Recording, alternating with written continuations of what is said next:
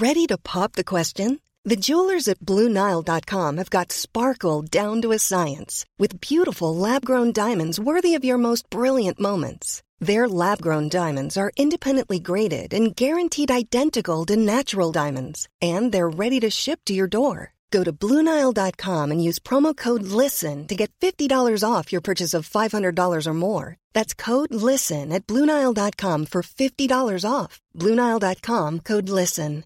When you make decisions for your company, you look for the no brainers. And if you have a lot of mailing to do, Stamps.com is the ultimate no brainer. It streamlines your processes to make your business more efficient, which makes you less busy. Mail checks, invoices, legal documents, and everything you need to keep your business running with Stamps.com. Seamlessly connect with every major marketplace and shopping cart. Schedule package pickups and see your cheapest and fastest shipping options from different carriers. With rates up to 89% off USPS and UPS rates. And with the Stamps.com mobile app, you can take care of mailing and shipping wherever you are. Make the same no-brainer decision as over 1 million other businesses with Stamps.com. Sign up with Code PROGRAM for a four-week trial, plus free postage and a free digital scale. No long-term commitments or contracts.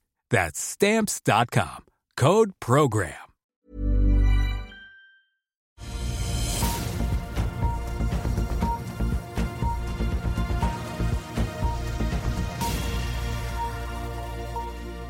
En riktig god morgen og velkommen til Børsmorgen her hos oss i Finansavisen denne fredagen. Mitt navn er Benedikte Storm Bamvik, og med meg har jeg aksjekommentator Karl Johan Molnes. Senere i sendingen så får vi også besøk av hedgefondforvalter Joakim Hannisdal. Før vi hopper på dagens program, skal vi gå gjennom utviklingen på Wall Street i går, der de tre hovedindeksene startet dagen i grønt og fortsatte oppgangen utover kvelden. Nasdaq steg mest med en oppgang på litt over 1% Samtidig endte SMP 500 på høy, sin høyeste sluttnotering så langt i 2023. I Asia og stillehavsområdet er det blandet fredag, der Nikkei i Tokyo klatrer nesten 2 og henter inn noe av fallet fra de seneste dagene. Hang Seng i Hongkong faller 0,2% mens Kospi i Sør-Korea stiger 0,9% Når det gjelder Oslo Børs, så endte hovedindeksen nesten helt flatt torsdag. Fredag venter Nordnett-analytiker Roger Berntsen at Oslo Børs vil starte dagen med en nedgang på 0,1% eller mellom intervallet pluss 0,1 og minus 0,3% Samtidig faller oljeprisen svakt fredag, og et fat nordsjøolje handles nå for 75 dollar og 26 cent. I løpet av morgentimene har SSB kommet med ferske inflasjonstall som viser at konsumprisindeksen steg med 0,5% fra april til mai. På årsbasis steg indeksen 6,7% noe som er opp fra 6,4% i april. Kjerneinflasjonen var også på 6,7% på årsbasis i mai, noe som er godt over konsensus på 6,3 det har også kommet nye oppdateringer fra meglerhusene, der bl.a. DNB Markets har oppgradert SalMar fra hold til kjøp og gjentar kursmål på 565 kroner. Samtidig har Sparebank1 Markets tatt opp dekning av Archer med en kjøpsanbefaling og et kursmål på 1 krone og 25 øre. Før vi går videre til dagens gjest, så skal vi fokusere litt på handelsdagen på Oslo Børs i dag. Eh, og Karl Johan, hva tror du vil prege markedet? Det er vel disse inflasjonstallene, er det ikke det? Veldig høye inflasjonstall. og mm. Det betyr jo at eh, Norges Bank sannsynligvis kommer til å øke renten med en kvarting, 0,25 prosentpoeng. Og Kanskje også mer, som enkelte da spår. Men renten vil fortsatt være på tretallet, og inflasjonen vil være på sekstallet. og Du får ikke ned norsk inflasjon med rente på tretallet. og inflasjon. Det er ikke her slaget står. Vi, vi må holde ut og, og, prøve. og Vi har en veldig spesiell økonomi med at det er så mange som har eh, flytende rente eh, på boliglånene. og det går ut. Så For hver eh, prosent renten går opp, så mm, tar jo det penger som ellers ville brukt til konsum. Og det går jo utover handel og annet forbruk. Men eh, så lenge det er lønnsøkning på 5-6% så belønner de som er i jobb. De klarer seg likevel, fordi at eh, lønnsøkningen er større enn de renteøkningene som kommer. Så det vil være viktig å være i jobb. Men, men for å få ned inflasjonen på 2% så er det akkurat som i, i forsvarspolitikken. Du må vente til at amerikanerne kommer med sitt skyts. Og når de skaper nedgangskonjunktur, så stuper inflasjonen. Og de gjør jo alt de kan med å øke rentene. og Der er jo kjerneinflasjonen er jo nede under rentenivået. fordi at Der har jo du markedspriser på bensin. Her i Norge så koster bensin det samme enten oljeprisen er 120 dollar fat eller 60 dollar fat. Jeg forstår ikke. Her er pumpeprisen akkurat den samme. Så er jo noen som må kikke disse bensinselskapene i korta. Det er jo helt merkelig hele greia. Men, men, men, eh, så vi har liksom ikke markedspriser verken på mat eller på bensin, og da blir det vanskelig å måle. Men, men det som alltid virker, det er når, når USA de den enkleste måten også for USA å få ned inflasjonen på, det er å skape nedgangskonjunktur. Det vet de. For de har heller ikke råd til å ha 5% og 6% renter eh, veldig lenge. Så de er avhengig av å få ned inflasjonen, så de kan sette ned rentene. Og da faller også rentene i Norge. Så det er ikke her slaget står? Det er ikke her slaget står, men vi har gode, sterke allierte som alltid. Vi er gutta på skauen som gjør så godt vi kan her. Holder fortet til amerikanerne kommer med nedgangskonjunkturen til oss. og Da er slaget vunnet. Men Hvordan tror du disse tallene kommer til å prege markedet i dag? da? Nei, Jeg tror det blir litt sånn avmålt. Det blir, eh, du vet det, Norske investorer reagerer jo stort sett da på utenlandsk flyt. ikke sant? Det er ikke noen store bevegelser, det er ikke noen store, det er ikke så mye konsumaksjer. Men, men, det er klart det er på marginen så blir det kjøpt mindre konsumaksjer, færre konsumaksjer i Norge av dette. her, og, og, eh, og på marginen da så vil jo rentene gå opp, og på marginen så går pengene inn i pengemarkedsfond. Eh, så, så det, det, er jo ikke noe positivt for risikoeiendeler. Og de som, de som, har kjøpt inn i sånn eiendomssyndikater og sånn, får jo det enda verre. Så det strammes til, da. Det er, det er ikke en sånn positiv eh, inngang til ferien, dette her. Kunne klart oss uten dette her. Ja, Særlig med kronekurs og alt annet som spiller inn. Ja, men det er klart, eh, setter de opp renten, så vil det hjelpe kronekursen. Eh, fordi at eh, folk skjønner at eh, USA er på slutten sant, av sin økning. Og, og det vil, hvis det viser seg at Norges Bank nå setter opp renten med en halv prosent, så vil det hjelpe kronekursen. Tusen takk, Karl Johan. Vi er straks tilbake etter en kjapp pause. Vil du bli oppdatert på det viktigste som har skjedd innen finans og næringsliv? Da er det bare å følge med, for hver morgen er jeg, Marius Lorentzen og aksjekommentator Karl Johan Malnes på plass i studio for å ta tempen på dagens marked i Børsmorgen. Og hver ettermiddag oppsummerer vi alt du trenger å vite i økonominyhetene, og det blir selvfølgelig masse interessante gjester. Klikk deg inn på fa.no-tv, eller søk opp Børsmorgen og Økonominyhetene der du hører på podkast. How would you like to look five years younger? In a clinical study, people that had volume added with Juvederm Voluma XC in the cheeks perceived themselves as looking five years younger at six months after treatment. Look younger, feel like you. Add volume for lift and contour in the cheeks with Juvederm Voluma XC. Reverse signs of aging by adding volume to smooth laugh lines with Juvederm Volure XC. For important safety information and to find a licensed specialist, visit Juvederm.com. That's J U V E D E R M.com. Not for people with severe allergic reactions, allergies to lidocaine, or the proteins used in Juvederm. Common side effects include injection site redness, swelling, pain, tenderness, firmness, lumps, bumps, bruising, discoloration, or itching. There's a risk of unintentional injection into a blood vessel, which can cause vision abnormalities, blindness, stroke, temporary scabs, or scarring. Talk to a licensed specialist to find out if it's right for you. I'll see you in court. Vi sier det ofte litt på spøk, men for deg som driver business, er det aldri moro å innse at du ikke har laget en 100% gyldig kontrakt. Du bør ikke risikere hele firmaet ditt fordi du synes dette med kontrakter er litt stress. En avtale er ikke en avtale. Du kan miste kunder, miste venner, ja, til og med miste inntekter om du ikke lager en skikkelig kontrakt, på alt mulig, egentlig. Men vi vet det er et styr. Kopimaskiner, tregprinter og haugevis av papir. Dessuten stoler vi jo på folk her i landet. Det er ofte litt kleint å skulle be om en signatur for alt mulig, ja, for mye av styret handler også om jakten på underskriften. Det finnes en enkel måte å løse dette på, Dukkobit, en trygg, effektiv og get this, gratis måte å sikre seg en god natts søvn pluss en juridisk bindende avtale. Dukkobit-appen har de strengeste sikkerhetskrav i bunn, samt en EU-godkjent og sertifisert teknologi. Framover vil det bli behagelig å spørre du, skal vi skrive under på det, eller? Kom i gang på dukkobit.no.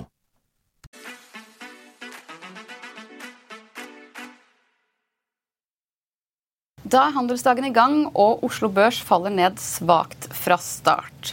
Da går vi over til dagens gjest, hedgefondforvalter Joakim Hannesdal. Velkommen til oss. Takk. Du, jo, du, har jo startet et eget fond som du snart åpner for eh, investorer. Nå er det i juni?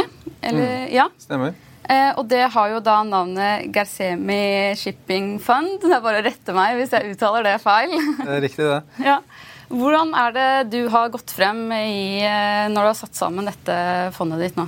Altså, det har jo vært eh, et um, arbeid som har pågått egentlig nesten i ti år, siden jeg startet å jobbe mot dette målet. Så det har vært en lang vei.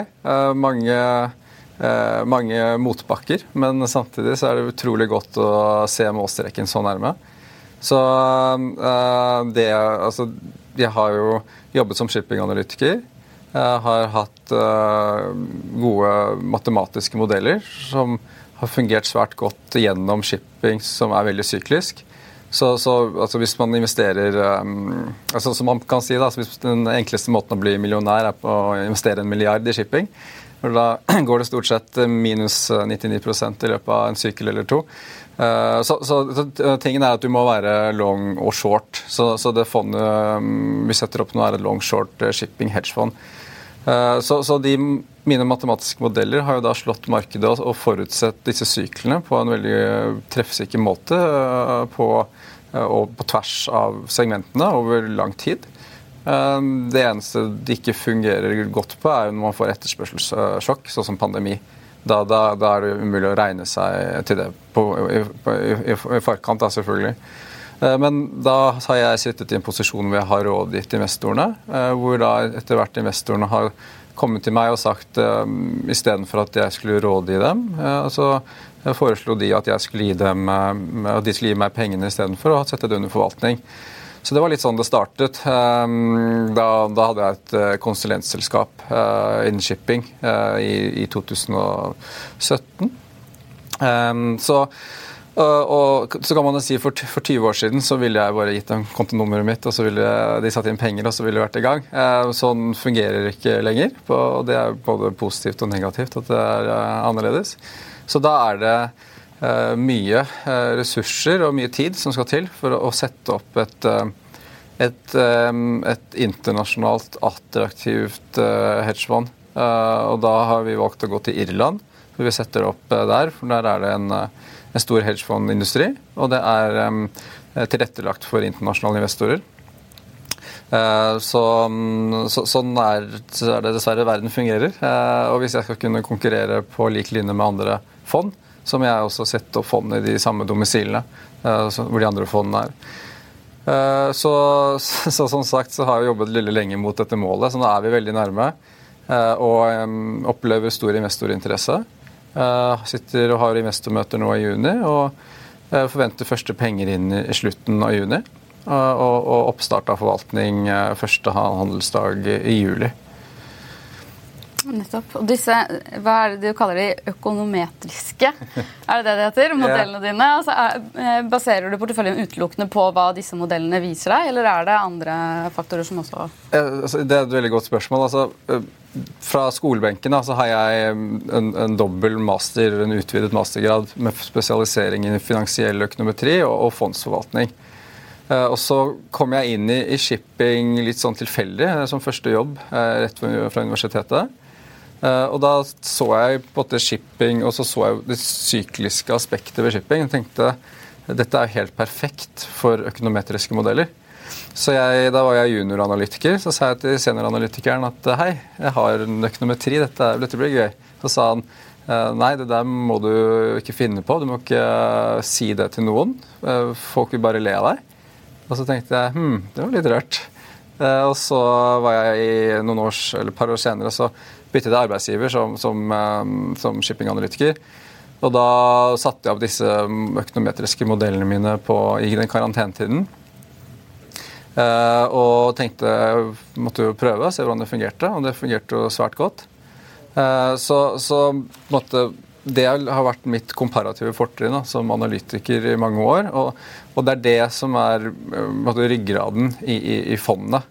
Den, den, den, altså på, for å forklare det litt enkelt, altså på, på, shipping så har du jo altså du har tilbud av skip, og så har du etterspørselen av skip. Uh, og tilbudssiden har du stor visibilitet på. Der har du, Det tar gjerne to, to og et halvt år å bygge et skip.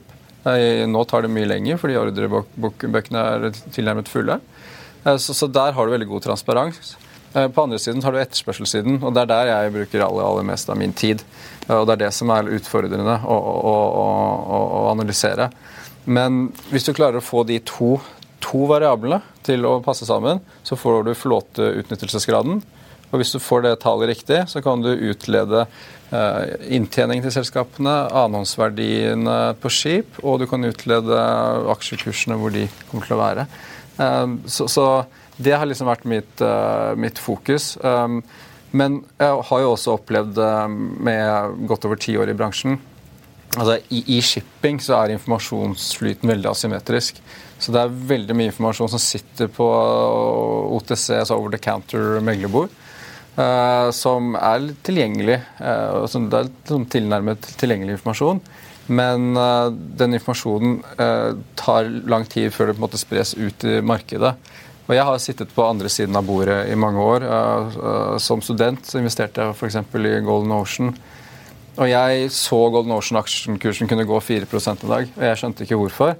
Men dagen etter så fikk jeg svaret, for da sto det kanskje en artikkel i Finansavisen om at uh, det hadde godt vært en, noen slutninger uh, ut av Øst-Australia uh, som hadde vært særs gode. og Derfor hadde inntjeningen gått opp. Så, så, så, det er også en måte som jeg opp, har opplevd nå de siste årene. At jeg da med nettverket og som, og som forvalter så sitter man jo øverst på informasjonspyramiden. At man kan tilføre ganske god verdi. Um, F.eks. i går så så jeg FFA-ene på VLGC. Jeg hadde falt kraftig. Uh, og det får jeg løpende på mobilen fra, fra meglere. Uh, og jeg så um, at uh, den LPG-prisen i USA var på vei opp, mens LPG-prisen i Asia var flat. Uh, og da blir det mindre penger igjen for fraktelementet fra å flytte gassen fra USA til, til Asia. det var også et veldig stor premium på fraktprisen fra, ut av persiske Gulfen versus ut fra amerikanske Gulfen. Eh, så alle, også, også, i Panama så var det tilnærmet, eller var det veldig lite forsinkelser. så alle parameterne på, på, på en måte scorelisten var, hadde negativ fortegn. Så i går så shortet jeg BBLPG BVLPG eh, på dagen. Og så shortet jeg Dorian eh, i New York på kvelden. Og så kom eh, spot-ratene inn, og det var det største fallet, det åttende største fallet siden eh, 2005. Hva er målgruppen for fondet ditt? Er det dine venner, eller er det profesjonelle investorer som du eh, prøver å tiltrekke deg? Um, jeg, jeg, ønsker i utgangspunktet ingen venner inn i fondet. fordi fondet har høy risiko, uh, men god risk reward. Så det er høy volatilitet. Ja. Så jeg, jeg vil um, Jeg markedsfører definitivt ikke til Friends and Family. Ok, Men da, da, da er det profesjonelle investorer? Dette er profesjonelle ja. investorer, ja. Og, og, du har studert fondsforvaltning, og da lærte du sikkert det at uh, to smarte, to smarte unge menn med Bloomberg. Det selger ikke lenger. Etter Madoff så, så, er det ingen, putter, ingen, profesjonelle investorer som putter penger inn i, i, i setups med veldig få. Så hva er compliance rundt fondet ditt? Hvordan har du flere som jobber sammen med deg? Mm. Så um, Vi er to stykker. Uh, fikk, uh, vi er et konsesjonsbelagt verdipapirforetak. Vi gikk konsesjoner nå i vår. Eh, men eh, vi har også valgt å outsource alt vi kan. Så, så, så vi outsourcer compliance, vi outsourcer regnskap, vi outsourcer HR. Eh, vi har jo et stort team på Irland som jobber sammen med oss. Så det er en veldig stor organisasjon, selv om vi i, i Oslo sitter kun to stykker. Men, men, men, vi trenger på en måte ikke mer ressurser her. Det vi skal gjøre i Oslo, er å analysere og forvalte. Eh, og da holder det fint med to stykker. Og så alt det der andre rundt, det kan vi outsource. Også i forhold til investorene. Eh, dette er jo strengt regulert, eh, så fondet er kun åpent for de investorer som klassifiserer seg som profesjonelle. Eller som blir klassifisert som profesjonelle. Og da har man en liste fra, altså i, i norsk lovtekst som man kan finne for å se hva som skal til for å klassifisere. Eh, og så har man eh, en tilsvarende liste fra europeiske myndigheter. Eh, og så er det selvfølgelig bare å spørre oss hvis man lurer på noe. Men det er jo da utgangspunktet. Og så er det euro 100 000 minimum investering. Og alt dette er regulatorisk eller knyttet opp til regulatoriske regelverk. Min erfaring med, med, med, med, små hedgefond er jo at de ofte må bruke ofte ti møter. liksom Møte folk og mm. mange kvartaler på rad. Først må du fortelle hva du skal gjøre, og så må du gjøre det, og så må du gjøre det igjen. og Så møtes man, da. Og hvis de fortsatt er interessert, da, så er det nytt møte neste kvartal. Og, og til slutt da, så, så, får du kanskje penger. Det er jo lange prosesser, dette. Lærte du noe om det på fondsforvaltningsstudiet, at det, det tok lang tid å få inn penger for de profesjonelle investorene? Eh, altså på, på, studiet så var det vel mest uh, Markowitz porteføljeoptimeringer og sånn, men, uh, men, i forhold til å hente penger, det er jo litt artig, fordi jeg har jo altså De fleste små hedgefond altså det, Dette skal jo være et lite hedgefond, fordi fondene skal være lett på fot i et marked som er relativt lite i det store universet. Så vi skal kunne snu rundt på porteføljen på veldig kort tid. Det er en av strategiene. Så Derfor så vil vi stenge for nye penger hvis fondet blir for stort. Men, uh, men, men altså i forhold til å hente penger, det er jo det som er litt interessant, fordi jeg har hatt investorbacking hele veien, men har manglet en struktur. Så investorene sitter og altså Jeg får daglig mail med 'hurry up', uh, when, are, 'when is the launch', 'let's go'. Men dette er jo dine venner, så jeg anbefaler å satse på dine venner. venner. Ok, det høres, høres, bra ut. Dette er jo mennesker jeg aldri har altså de, de, de, aller fleste av de menneskene som setter inn penger i fondet, har jeg aldri møtt. De fleste av dem har jeg ikke snakket på telefonen engang med. Det, det, det som, altså jeg er ikke noen sånn salgsperson. Jeg løper ikke rundt med, med masse papirer under armen og prøver å pitche. Det, og, og det, det, i seg selv har jeg opplevd kanskje er det eh, gir eh, en trygghet, og også er litt sånn et godt salgsapproach. For det, det, jeg gjør, er at jeg viser til historikken min. Og den er veldig god. Jeg har 32% Kaggi siden 2017. Eh, jeg tviler ikke på at du er helt fantastisk, men det er, dette er en utrolig regulert bransje. Eh, det er det som er problemet. Og han, eh, Sidekicken din, er, er, det han som er hvitvaskingsfilteret, som passer på at du ikke får inn feile typer penger inn i fondet? Eh, nei, overhodet ikke. Først så skjer det jo en screening i Norge, og det er det jeg som har ansvaret for. Og vi har en compliance-avdeling som er outsourcet. Ja. Og så er det til slutt på Irland. Det er, det, det er de som har hovedansvaret på, på KYC og AML. Okay. Så, så, alt dette er jo altså det er, det er på, på, Irland sitter det en gjennomprofesjonalisert fondsindustri. uh, som vi betaler for å gjøre disse tjenestene. Så, så alt det er svært godt ivaretatt. Uh, men uh, nei, så det er, det er, jo Jeg opplever at det er en veldig god situasjon å være i, og jeg gleder meg veldig til å, å launche nå. Du, du, har jo vist at du kan plukke shippingaksjer. Det, det er ingen tvil om at du lykkes med det. Det er jo helt fantastisk. Men det, hvis, hvis, det går feil, så er det på tekniske ting som ligger utenfor, som ting du ikke så for deg kunne skje. Ja, nei, altså Nå har jeg jo, nå har jeg jo ledet hedgefond i nesten kontinuerlig siden 2021. Så jeg er jo ganske klar over måte, ja. hvilke fallgrupper man, man, eventuelt kunne havne i. og det, Så det er ikke noe problem. Ja. Men eh, I sted så nevnte du forresten at du, du, i går kveld tok noen short-posisjoner i, i, fondet ditt. Altså, mm. eh, hvilke andre short-posisjoner er det du har satt nå i fondet? Ja, altså Fondet starter jo da om noen uker, men foreløpig så holder jeg Akkurat nå så har jeg en privatportefølje som jeg på en måte deler resultatene av, eh, som, som jeg forvalter tilsvarende som fondets mandat. Men eh, nei, i går så var det Det er kun BV og Dorian vi har nå. Uh, minus 10% av porteføljen short VLGC-aksjer. Og det, altså, VLGC har jo vært fantastisk eh, performance i år. Eh, mye bedre enn det jeg trodde ved inngangen av året. Altså Ved inngangen til året så lå jeg altså short og tjente gode penger på det.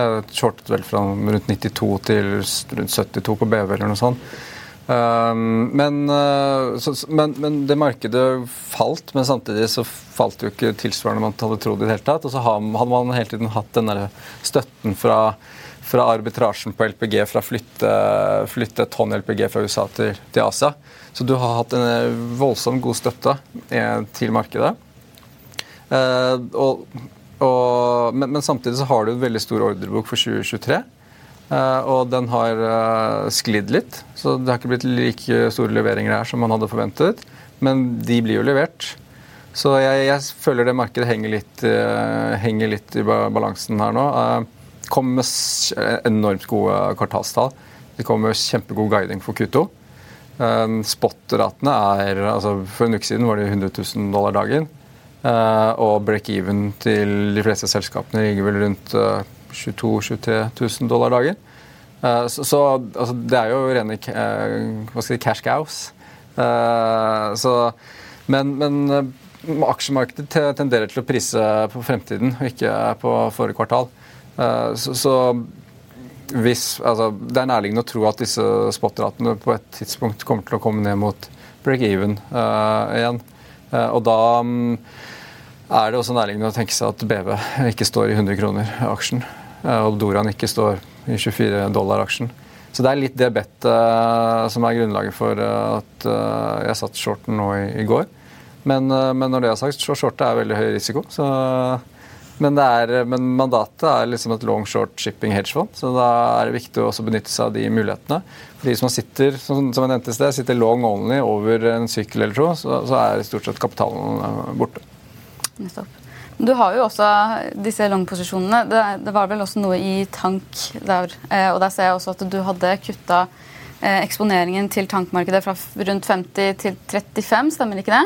Det stemmer. Eh, og det var etter OPEX eh, produksjonskutt. Var det eneste årsaken til at du tok ned eksponeringen?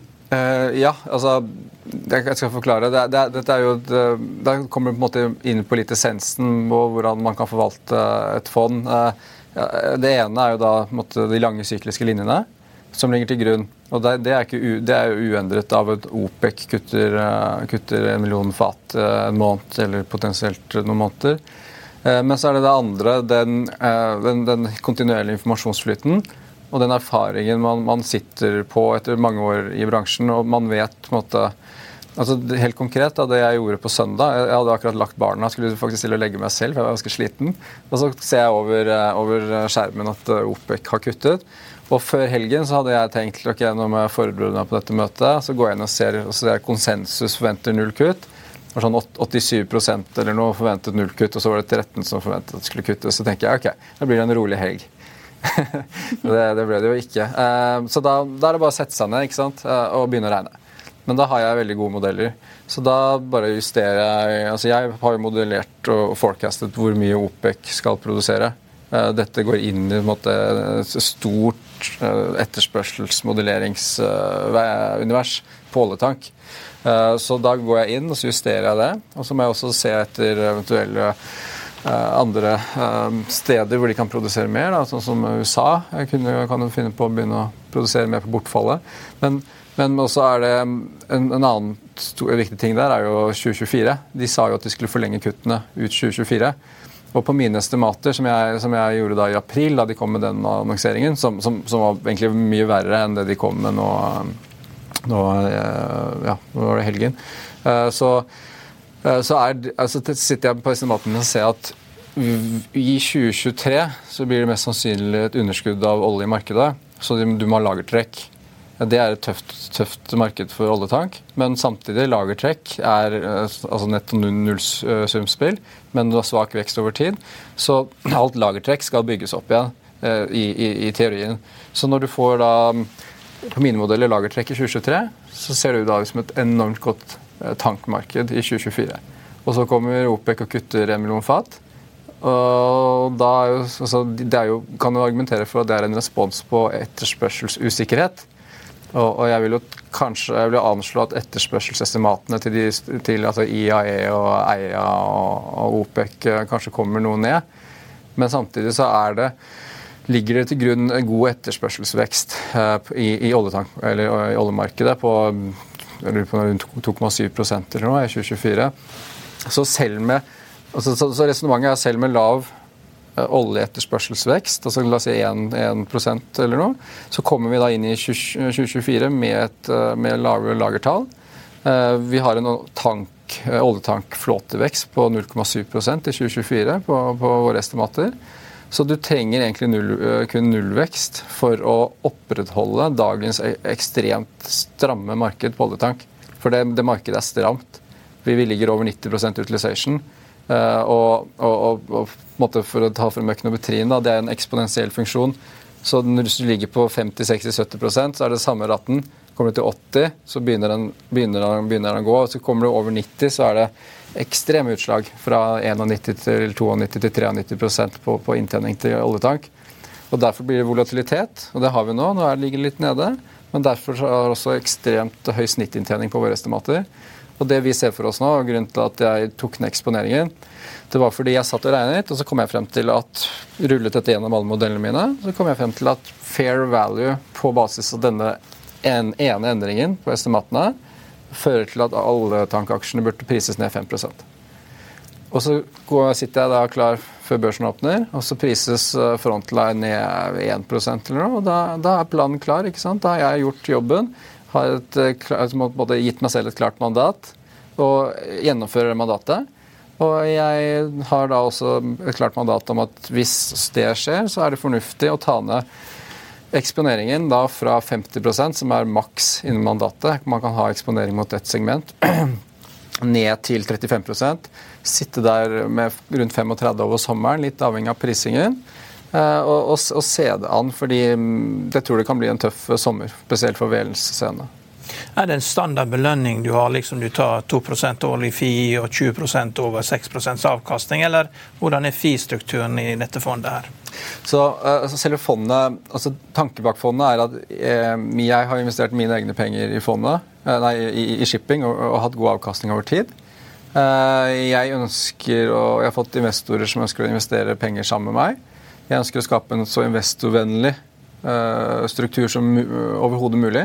Så jeg, jeg, er all in med alle mine likvide midler. Eh, jeg, jeg, sier til de investorene som kommer inn med meg fra dag én, at de får eh, rabatt på fisene, såkalt founders class. Så utgangspunktet er FI-strukturen 2,20, altså 2% fixed fees og 20% performance fees. Over hvilken hurdle rate har du da? Ingen hurdle. Okay. Shipping korrelerer ikke okay, med Så det er 20% av all avkastning? Ja. Og så er det watermark. altså Hvis at den går tilbake igjen, så får du Det er ikke 20 Hvis du går ned igjen, så må du opp på watermark. Eh, ikke sant? Helt riktig. Ja. Fordi shipping korrelerer ikke med, med, det bredere aksjemarkedet. Korrelerer ikke med olje, ikke gull. altså Det er ikke noen korrelasjon. Så Hvis jeg skulle benchmarke til SMP, for, for eksempel, så ville det jo ikke vært en god benchmark. Så, men, men, det, men det, det vi sier, er at i et år med performance Altså, la oss, la oss håpe at uh, vi fortsetter å klare 32 årlig avkastning. Um, det, det, ja, det, det, er jo veldig høyt tall, så vi regner med at det ikke blir så høyt. Men la oss si at vi klarer det.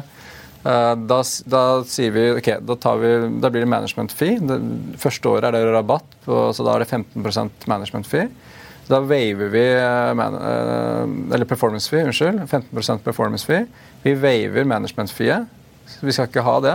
Vi dekker de operasjonelle kostnadene til fondet, noe som um, jeg har fått inntrykk av er svært unormalt i bransjen. Så Tanken er at dette skal være så investorvennlig som mulig. Vi sitter i samme båt. Hvis det går bra, tjener vi penger sammen. Hvis det, går, hvis det er et, dårlig, et, år med no performance, da, så må fondet dekke egne kostnader fordi lysene må være på. Eh, vi må ha et fixed fee for å holde våre lys på. Og så prøver vi igjen eh, neste år. De første pengene som kommer inn, binder de seg ett år, to år, eller? Nei, altså igjen, Her er det månedlig likviditet. Penger inn ut uten fis. bare... Penger, Så folk får ut pengene sine på én måned? ja. Altså det, igjen, det, det, det, har jeg vært veldig streng på. Jeg har uh, hatt mange, mange, som jeg har jobbet sammen med, som har prøvd å få til fikse, fikse strukturer for at man skal tjene penger liksom, på at penger går inn. Men jeg har sagt blankt nei. Dette, skal være, dette er for investorene. Investorene skal stå helt fritt til å ta penger inn og ut. Og så Hvis det går bra, så tjener vi penger sammen. Og, og, og hvis ikke, så står investoren helt fritt til å gjøre hva du vil. Og, og som jeg sier til dem, at uh, altså mine prioriteringer her i livet er liksom nummer én det er familien, og nummer to er investorene. Og Hvis de to eh, målgruppene er fornøyde, så kan jeg sove godt om natten. Og så da, Hvis du får en utvikling, så, kan, så gjør ikke noe for deg om alle tar ut pengene sine og tar en pause noen viss tid, og så selger du alle aksjene, og så begynner du på igjen igjen og sier at velkommen tilbake igjen eh, hvis det alle nå er negative en periode. For du bør jo skaffe deg en salgsavdeling da, som sørger for at noen har litt lang horisont her nå. Eh, fordi det er jo derfor man investerer. Det er jo å få tid, bruke tiden til hjelp. Profesjonelle investorer. For ellers så blir det veldig mye gambling her. Det kan svinge, altså Dine assets under management kan jo komme til å svinge noe helt utrolig med en så åpen uh, struktur. Jeg, jeg, jeg, må si meg litt uenig. Eh, for det første så har jeg gjort, det, satt dette ut i praksis uh, tidligere. Med dine venner? Nei, eh, nei. nei. nei. Jeg, jeg ikke, altså, profesjonelle investorer. Altså, jeg, har, jeg har to foregående hedgefond. Den ene ja. var et norsk struktur, ja. eh, som av skattemessige årsaker eh, ble overført til en, en irsk struktur.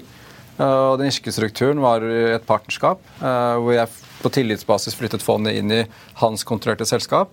Eh, hvor jeg da opplevde å bli utestengt, og da må starte fondet en gang til. Ja. Men i det foregående fondet hentet jeg 100% av pengene. Dette er, ingen, dette er ikke noe friends and family. Dette er folk i Dubai og USA over hele verden. Hongkong, eh, masse i Europa. Veldig mange norske investorer.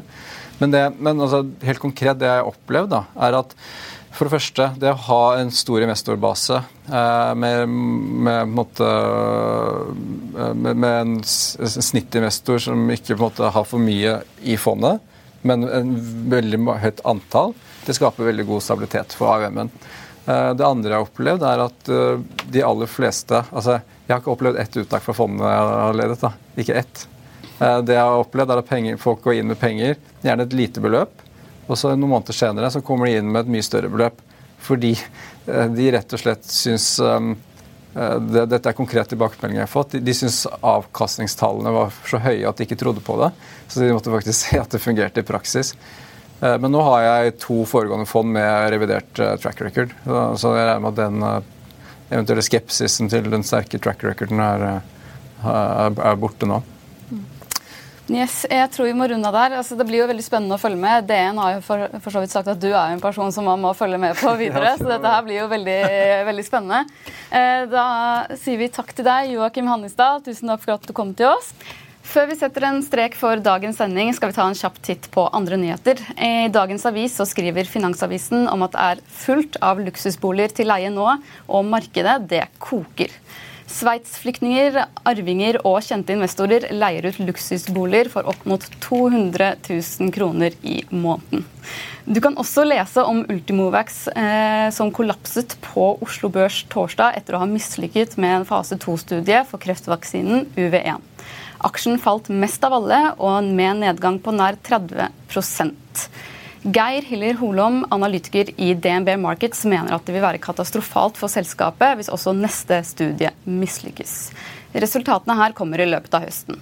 Mer om dette kan du lese om på finansavisen.no. Og Det var børsmålen for denne fredagen og denne uken. Husk å få med deg økonominyhetene senere i dag klokken 14.30. I mellomtiden så får du siste nytt på fa.no gjennom hele dagen. Vi ønsker deg en riktig god helg når den tid kommer, og takk for nå.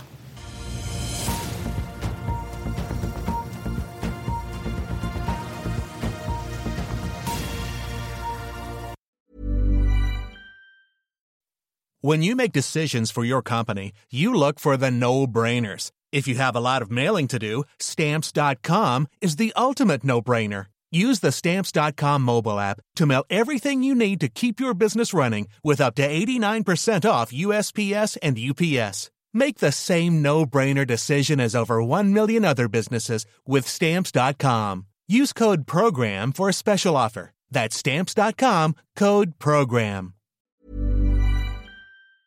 Økonominyhetene er en podkast fra Finansavisen. Programledere er Marius Lorentzen, Stein Ove Haugen og Benedikte Storm Bamvik. Produsenter er Lars Brenden Skram og Bashar Johar. Og ansvarlig redaktør er Trygve Hegnar.